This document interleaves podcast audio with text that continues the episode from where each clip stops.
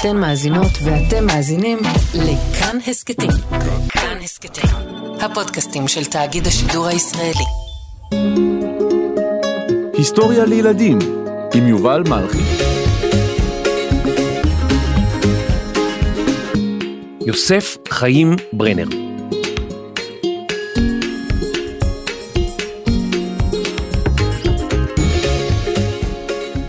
או, שלום ילדות, שלום ילדים. בכלל לא שמתי לב שאתם פה.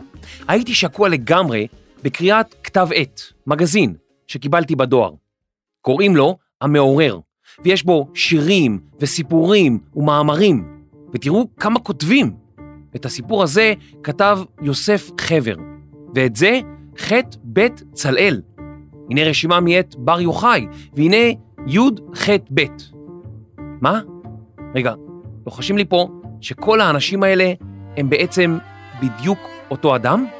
ושבכלל קוראים לו יוסף חיים ברנר. אף פעם לא שמעתי את השם הזה. רגע, שנייה, בודק. וואו, מסתבר שהוא היה דמות מכובדת מאוד, הסופר העברי הנערץ ביותר בתקופתו, ושאי אפשר אפילו לדמיין את הספרות העברית של ימינו בלעדיו. רגע, אני חייב לדעת עוד. מי היה י"ח ברנר? בואו, נצא לגלות.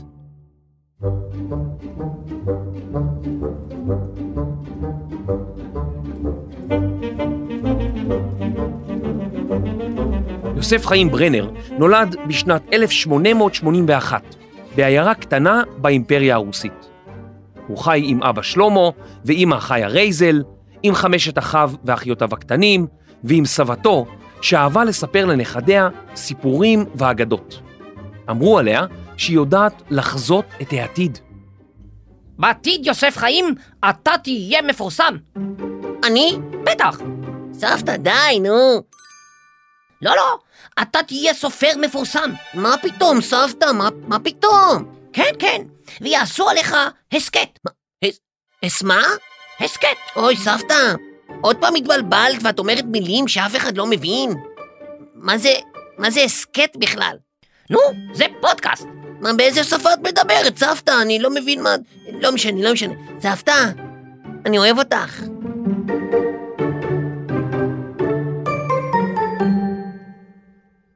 משפחת ברנר הייתה ענייה, וילדותו של יוסף חיים לא הייתה קלה. לא היה לו הרבה אוכל, וגם לא ספרים או צעצועים. אבל מה שכן היה לברנר, והרבה, זה כישרון. כבר מגיל צעיר הוא כתב סיפורים, שירים ומחזות. כשהיה רק בן 13, הוצג בעיירה שלו מחזה שכתב, והוא אפילו שיחק בתפקיד הראשי, בתור מרדכי היהודי. כנער צעיר, כמו יהודים רבים אחרים, ברנר נשלח ללמוד לימודי קודש בישיבה. אבל יוסף הצעיר לא הסתפק בחינוך יהודי. הוא רצה יותר. הוא רצה לקרוא ולדעת הכל. למרות שזה היה אסור, ברנר קרא בהיחווה ספרים שאינם קשורים ללימוד התורה, וגם כתב סיפורים. כשמנהל הישיבה תפס אותו, ברנר גורש מן הישיבה בזעם. הוא עבר לישיבה אחרת והתיידד עם בנו של ראש הישיבה, אורי ניסן גנסין, שהיה מבוגר מברנר בשנתיים. הם הפכו לחברים טובים והחלו לכתוב יחד סיפורים בעברית. אתם קולטים? בעברית.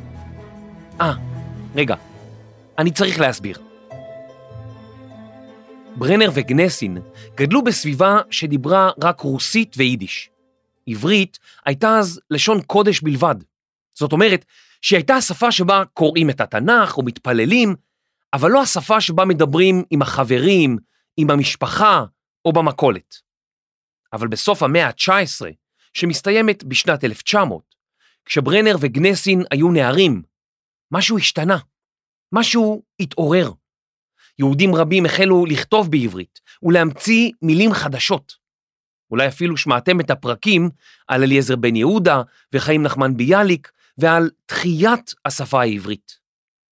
ברנר וגנסין האמינו שאפשר להאיר את העברית מתרדמתה הארוכה ולהחזיר אותה להיות שפת יומיום, שפת שירה וספרות, שיחות ובדיחות. למה חלב לא יכול לשחק כדורגל? כי הוא מחמיץ. פלוני, אני לא יכול להירדם אחרי כוס קפה. אלמוני, אצלי זה בדיוק ההפך. אני לא יכול לשתות קפה אחרי שאני נרדם. אדם עולה לאוטובוס ושואל, האוטובוס הזה ישיר? הנהג, בשבילך הוא גם ישיר וגם ירקוד. מי יותר גדול, השמש או הירח? הירח, כי מרשים לו לצאת בלילה. למה אין חתולים בקוטב הצפוני? כי יש שם קור כלבים. מה זה קטן ומרעיש? נמלה עם כפכפים. הלכתי ברחוב וקראתי ספר. נתקעתי בעמוד הראשון. תודה רבה, תודה רבה. ברנר וגנסין כתבו חוברת קטנה, לה קראו הקוף, ואחר כך חוברת נוספת בשם הפרח. הם פרסמו בהן סיפורים ושירים בעברית. כשהתפרסם שיר חדש של ביאליק, הם חגגו ממש. הם הקריאו את המילים זה לזה, והתחרו מי יזכור את השיר בעל פה מהר יותר. הם אפילו המחיזו את השיר וחיבקו זה את זה בהתרגשות. כמה טוב להיות חברים, כמה טוב ליהנות מאותם הדברים, כמה טוב לדבר עברית, לכתוב עברית ולקרוא עברית. בשנת 1901 גויס ברנר בן ה-20 לצבא הרוסי. הוא שנא כל רגע בצבא, שהרחיק אותו מעולם הספרות, מחברו הטוב אורי ניסן ומשאר חבריו. כשלוש שנים לאחר שגויס, פרצה מלחמה גדולה בין רוסיה ליפן, וברנר החליט לברוח מהצבא הרוסי. כדי לא לעורר חשד, ברנר סיפר לכל חבריו החיילים שהוא משתוקק לצאת לחזית, להילחם. אבל עמוק בליבו, הוא לא הפסיק לתכנן תוכניות בריחה. ואז הגיע הרגע. קדימה חיילים, לעלות לרכבת. יוצאים לחזית. המפקד, יש לי פיפי, ממש דחוף. ברנר, אתה חייב להתאפק. בבקשה, מפקד, זה ייקח ממש רגע. בסדר, ברנר, אבל תמהר. בטח, בטח, אני כבר חוזר, כבר חוזר. אבל ברנר לא חזר. הוא ברח מהצבא הרוסי והתחבא בביתו של חבר. רכבת החיילים נסעה אל החזית בלעדיו. אבל כמה ימים לאחר מכן, הוא נתפס על ידי המשטרה הרוסית. ברנר חשש לגורלו. הוא ידע שהעונש על בריחה מהצבא הוא מוות. אבל חבריו של ברנר הצילו אותו. הם חטפו אותו מתחנת המשטרה והבריחו אותו מרוסיה ללונדון, בירת אנגליה. ברנר היה בבעיה. מצד אחד, חייו ניצלו, והוא הצליח לברוח מהצבא, מהמשטרה ומהמלחמה. אבל מצד אחר, הוא כעת היה הרחק מחבריו ומהשפה שהכיר. מה יעשה עכשיו? הוא מצא מקום מגורים בשכונה ענייה ועלובה בלונדון. התגעגע והשתגע. אסור היה לו לחזור לרוסיה, למשפחתו, לחברו הטוב אורי ניסן, לנערה שאהב. את כולם הוא נאלץ להשאיר מאחור. מה יעשה? מה יעשה? השנה הייתה 1904, ולא רק ברנר היה בבעיה. גם השפה העברית הייתה בבעיה. למרות שהיא החלה להתעורר, יהודים רבים העדיפו לדבר בשפות המוכרות להם, יידיש, לדינו, ערבית ושפות אחרות. קהל הקוראים של הספרות העברית המתחדשת היה מצומצם, מאות בודדות של אנשים, מתוך מיליוני יהודים. באותו זמן היו עיתונים וספרים רבים ביידיש שמכרו מאות אלפי עותקים. כל כתבי העת שפרסמו שירים וסיפורים בעברית לא הצליחו ונסגרו. נראה היה שחלום החייאת השפה העברית מתפוגג ונעלם. ברנר היה צעיר בן 24, עני, רחוק מהבית ומכל חבריו, בעיר אפורה וגשומה שהוא אינו מכיר. בליבו התקבלה החלטה להמשיך לכתוב בעברית. הוא החליט להאיר את השפה העברית ולא לתת לה לשקוע שוב בתרדמה עמוקה. כשאתם צריכים להתעורר מוקדם בבוקר, אתם בטח מכוונים שעון מעורר.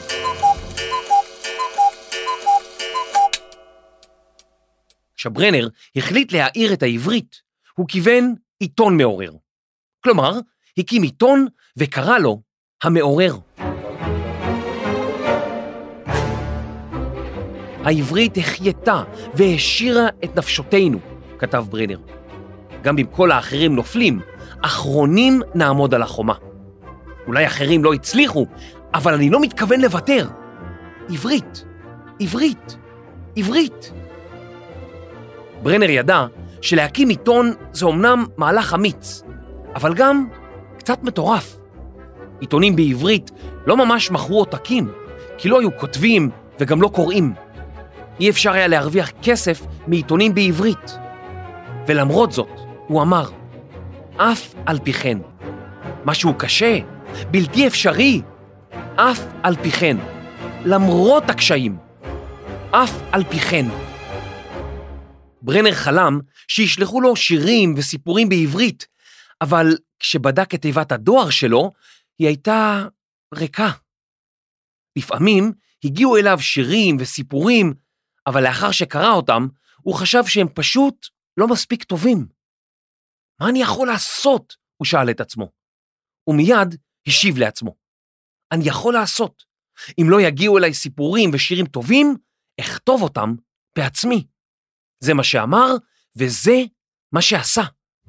כדי שהקוראים לא יחשבו שהוא כתב את כל כתב העת לבדו, הוא המציא לעצמו מגוון שמות עת. שמות בדויים.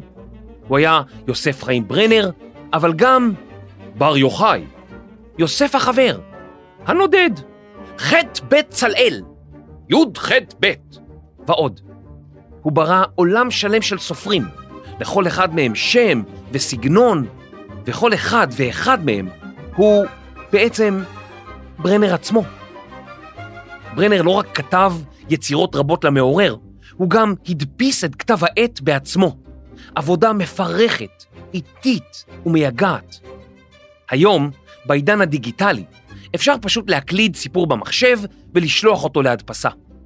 אבל בימיו של ברנר היה צריך להניח אותיות מתכת, אות אחר אות, למרוח דיו, ליצור עותק ועוד עותק ועוד עותק. להדפיס סיפור לקח זמן, הרבה זמן. זו הייתה עבודה פיזית, קשה ומתישה. לא פלא שברנר רצה להדפיס במעורר רק סיפורים שהוא באמת אהב. חישבו כמה מתסכל זה לסדר אות אחר אות של סיפור גרוע או משעמם.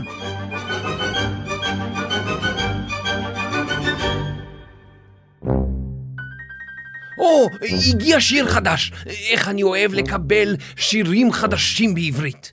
הנה, נסדר את האותיות לאט לאט, אות אחר אות. הנה, ניישר, ניישר טוב, נבדוק, נבדוק, הכל בסדר, כל האותיות, אין טעויות. אוקיי, נמרח דיו, נמרח דיו, ועכשיו נדפיס.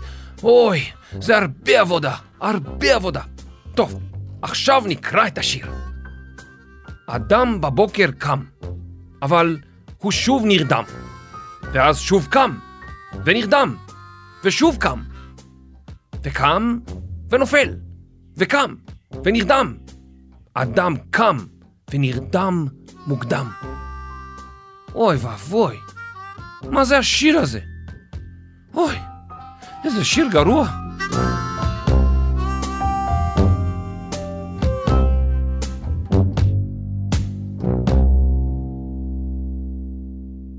בהמעורר, ברנר עשה הכל, הכל, הכל לבד. הוא כתב, ערך, סידר, הדפיס, ארז, סחב ושלח גיליונות בדואר. הוא אפילו גר במקום העבודה שלו, דפוס נרודיצקי, שהיה חדר קטן ואפלולי, ששימש כסלון, כמטבח וכחדר השינה שלו, והחדר השני כבית דפוס. ברנר התעקש להוציא גיליון חדש של המעורר כל חודש. זה המון עבודה. הוא עבד ימים ארוכים, אפילו 18 שעות ברצף, והתיש את עצמו לחלוטין. מספרים עליו שהוא היה כל כך עסוק, שאפילו זמן להכין כוס תה לא היה לו. אז במקום תה, הוא שתה מים חמים. המים החמים האלה פשוט מעדן. הם חמימים וטעימים, יש להם טעם של אה, אה, מים חמים. לא משנה, צריך לכתוב סיפור בעברית, אין זמן אפילו למים. השמועה על כתב העת החדש התפשטה. אנשים שמעו על עיתון המעורר, ותיבת הדואר של ברנר החלה להתמלא. סופרים ומשוררים עבריים החלו שולחים לו יצירות נהדרות בעברית. החזון שלו התממש. המעורר האיר את העברית משנתה, ונתן זריקת מרץ של ממש לעולם התרבות. יהודים בכל העולם חיכו לעיתון, וכינו את ברנר הסופר הגדול. ברנר חש קצת נבוך מהתואר החדש. אפילו ביאליק אמר עליו כי באותם ימים היה הסופר היהודי הגדול בדורו. ביאליק אמר, לפי שעה, איני רואה סופר כמותו בישראל. יום אחד שמע ברנר כי חברו הטוב אורי ניסן מגיע ללונדון. ברנר התרגש, הוא לא ראה את אורי שנים. ואכן, הזמן הרב שלא התראו עשה את שלו. ברנר וגנסין, שניהם השתנו, והחברות פשוט לא החזיקה מעמד. גנסין, שסבל ממחלת לב, היה חולה מאוד וחלש, וברנר אפילו לא שם לב. למרות הכל, גנסין ניסה לעזור לברנר עם המעורר, ולמד גם הוא את מלאכת סידור האותיות. אבל במקום ליהנות מהעבודה המשותפת, עמדו השניים עם הגב זה לזה, ועבדו בדממה. ואז הם רבו, בגלל אות אחת קטנה. איך אפשר לריב בגלל אות אחת?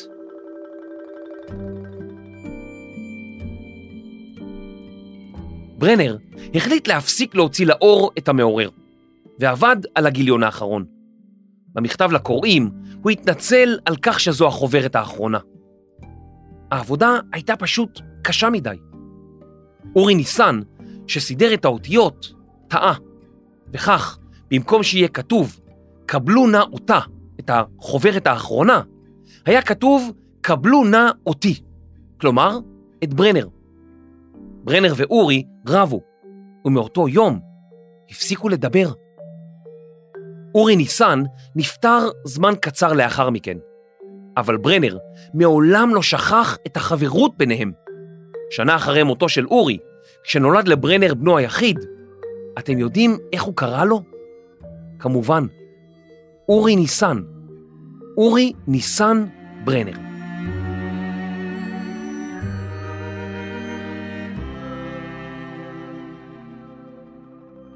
ברנר אהב מאוד ילדים. באותה תקופה בלונדון גרו בעוני יהודים רבים, והילדים שלהם היו לעתים רעבים. חבר של ברנר, אשר ביילין, סיפר שפעם אחת הגיע בלי הזמנה לחדרו הקטן של ברנר. מצטיב עסוק מאוד. הוא הוציא מחדרו את הרהיטים, העמיד כיסאות בפינות, וקרשים שטוחים עליהם מקצהו אחד של החדר עד קצהו השני. על הקרשים, ששימשו במקום שולחנות, שם מנות מנות של פירות, לחמניות וממתקים. כעבור רגעים אחדים, התפרצו לתוך החדר כ-20 ילד או יותר, מילדי הרחוב, יחפי רגל, לבושי סחבות ומגואלי פנים, זאת אומרת, מלוכלכים. אלה היו האורחים המוזמנים לסעודה. אחר כך נודע לי שסעודות כאלה היה עורך לילדים מזמן לזמן. בסוף שנת 1907, לאחר שנה וחצי של עבודת פרך ממש, של חיפוש אחר מימון או כסף להדפסת העיתון, כתיבה, איסוף של חומרים, עריכה, סידור אותיות, הדפסה, גיוס מנויים ומה לא. ברנר התעייף. הוא החליט לסגור את עיתון המעורר.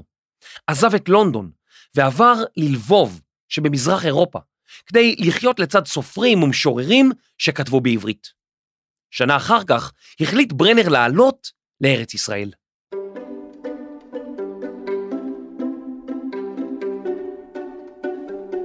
ברנר, שבאותה תקופה כבר היה סופר מפורסם, לא רצה שידעו בארץ ישראל על בואו.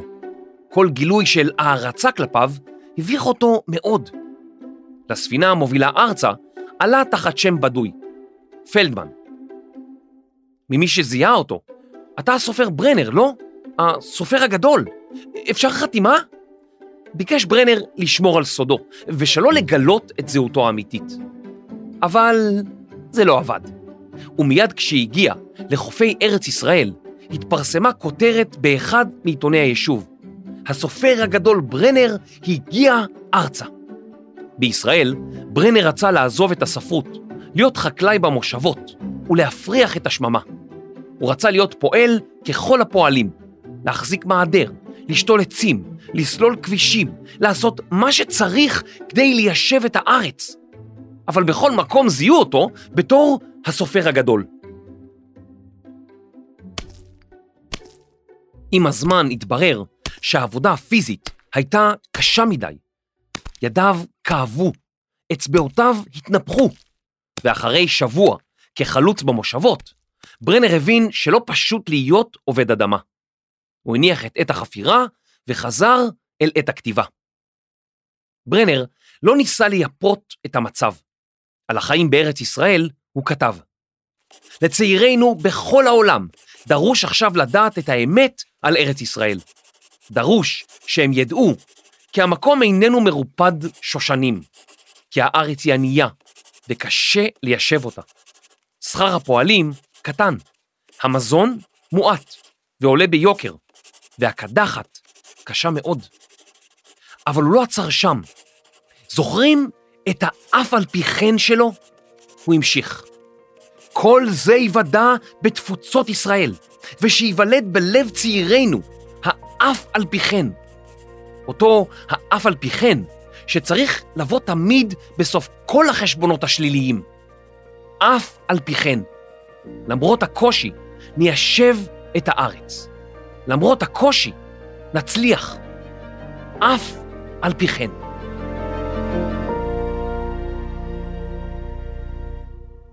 ברנר עבר לחיות בירושלים, ואחר כך בפתח תקווה וביפו.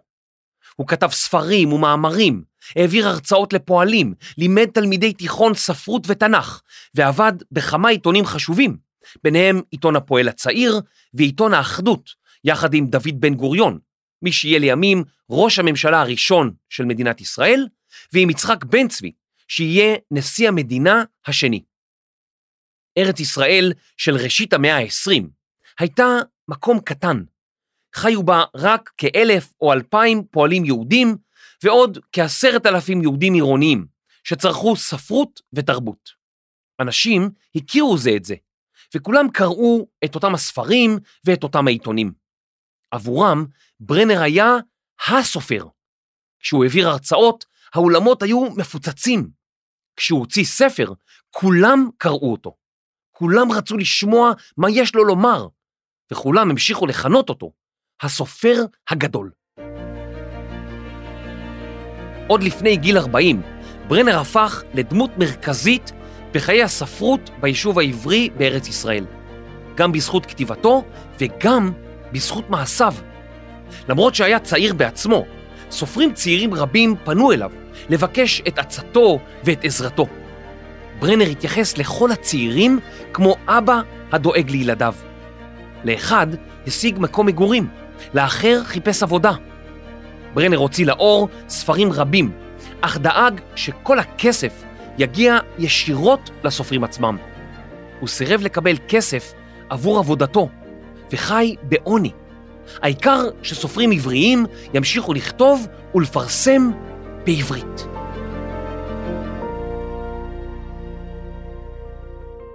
אחד הסופרים שלהם עזר ברנר הוא ש"י עגנון, מי שלימים זכה בפרס נובל לספרות. עגנון סיפר שכיוון שלא היה לברנר מספיק כסף להדפיס את ספרו, הלך ברנר לחנות בגדים וביקש להחזיר חגורה שקנה, כדי להשתמש במטבעות לשלם על הדפסת הסיפור. ומה עשה ברנר בלי חגורה? מה הבעיה? הוא פשוט השתמש בחבל במקום חגורה. ברנר, שנולד עני וגדל עני, המשיך לחיות חיי צניעות, גם כסופר מפורסם. כשרצו לכתוב עליו מאמרים או לראיין אותו לעיתון, הוא תמיד סירב בתוקף. למרות שכל חייו סבבו סביב ספרים, בביתו לא הייתה ספרייה. את כל הספרים שקנה חילק כמתנות לחבריו. הוא עצמו סירב לקבל מתנות, אפילו פרוסת עוגה. הוא אמר, אני יודע להודות גם על המעט שניתן לי, ובזה אושרי. אחד המשפטים המפורסמים של ברנר נאמר בוועידה של פועלים, שבה הוא השתתף כצופה מהצד. לברנר לא הייתה זכות דיבור, אך בכל זאת הוא ניסה לומר משהו. יושב הראש אמר לו כי אין לו את רשות הדיבור. ברנר התרגז מאוד והשיב, זכות הדיבור אין לי, אבל זכות הצעקה יש לי. זאת אומרת, שלעיתים משהו כל כך מפריע לנו, שיש לנו זכות להתנגד לו, אפילו בצעקה, אפילו כשאחרים חושבים שזה לא ענייננו. עד היום, זהו אחד ממשפטיו המפורסמים ביותר של ברנר.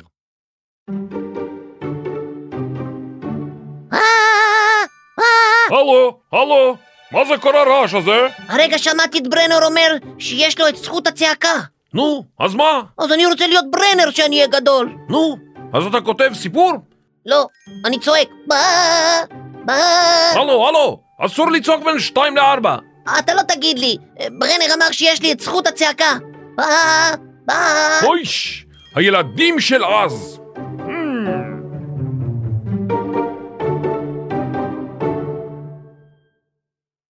ברנר האמין כי יבוא יום ובין היהודים והערבים ישרור שלום. הוא כתב, יבוא יום וקשר אמיץ יקום בינינו, עובדי ישראל, וביניהם פועלי ערב. אבל בתקופת חייו לא היה שלום. בשנת 1920 פרצו פרעות של האוכלוסייה הערבית כנגד יהודים בארץ ישראל. הם נודעו בשם מאורעות תר"פ, תר"פ. ברנר כתב באותם הימים כי יהודים אינם יודעים להגן על עצמם, אלא רק להתחבא. אולי גם אותי יום אחד תשיג חרב או פגיון, הוא כתב, ואני לא אדע לעשות דבר, כי איני יודע להחזיק חרב. מבלי שברנר ידע, מילותיו הפכו לנבואה. קצת אחרי פסח, בשנת 1921, לפני 101 שנים, נרצח ברנר בפרעות באזור יפו. יחד עמו נרצחו עוד חמישה אנשים, ביניהם שני סופרים צעירים שבהם ברנר תמך. האירוע זעזע את היישוב היהודי בארץ ישראל, ובעקבותיו הוכרזו ארבעה ימי אבל.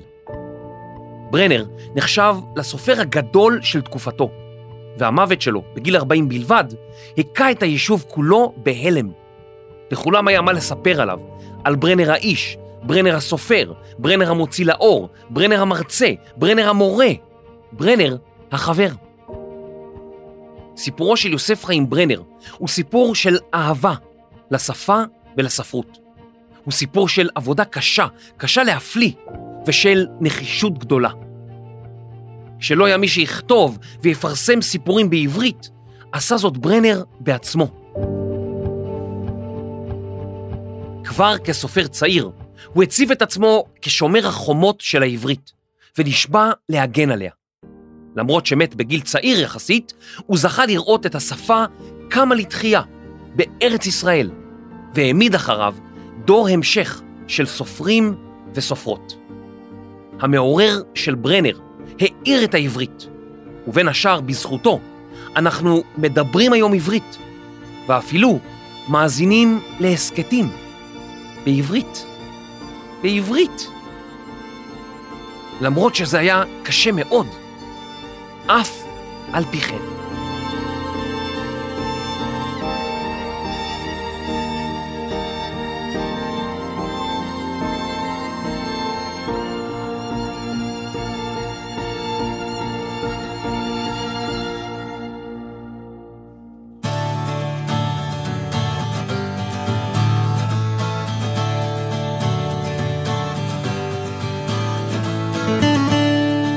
מחקר, כתיבה ומעוררת ראשית, תמר נויגרטן פולגר.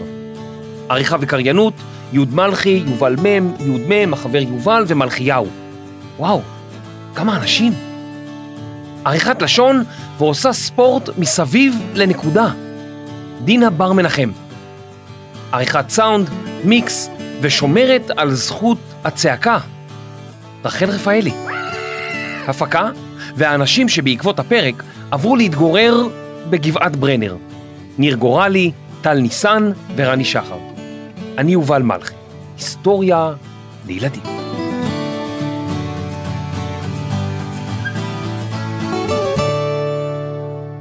רגע, עצרו הכל. אם אתם מאזינים דרך אפל, ממש נשמח שתדרגו אותנו ותכתבו מה אתם הכי אוהבים בהיסטוריה לילדים. זה עוזר לנו מאוד, אז תודה. נשמח לראות אתכם גם בקבוצת הטלגרם שלנו, היסטוריה לילדים, שם תוכלו להציע הצעות לפרקים ולשמוע מה חדש. פרקים נוספים של היסטוריה לילדים ניתן למצוא באתר כאן, ביישומון כאן וביישומונים לרכב ולטלוויזיה.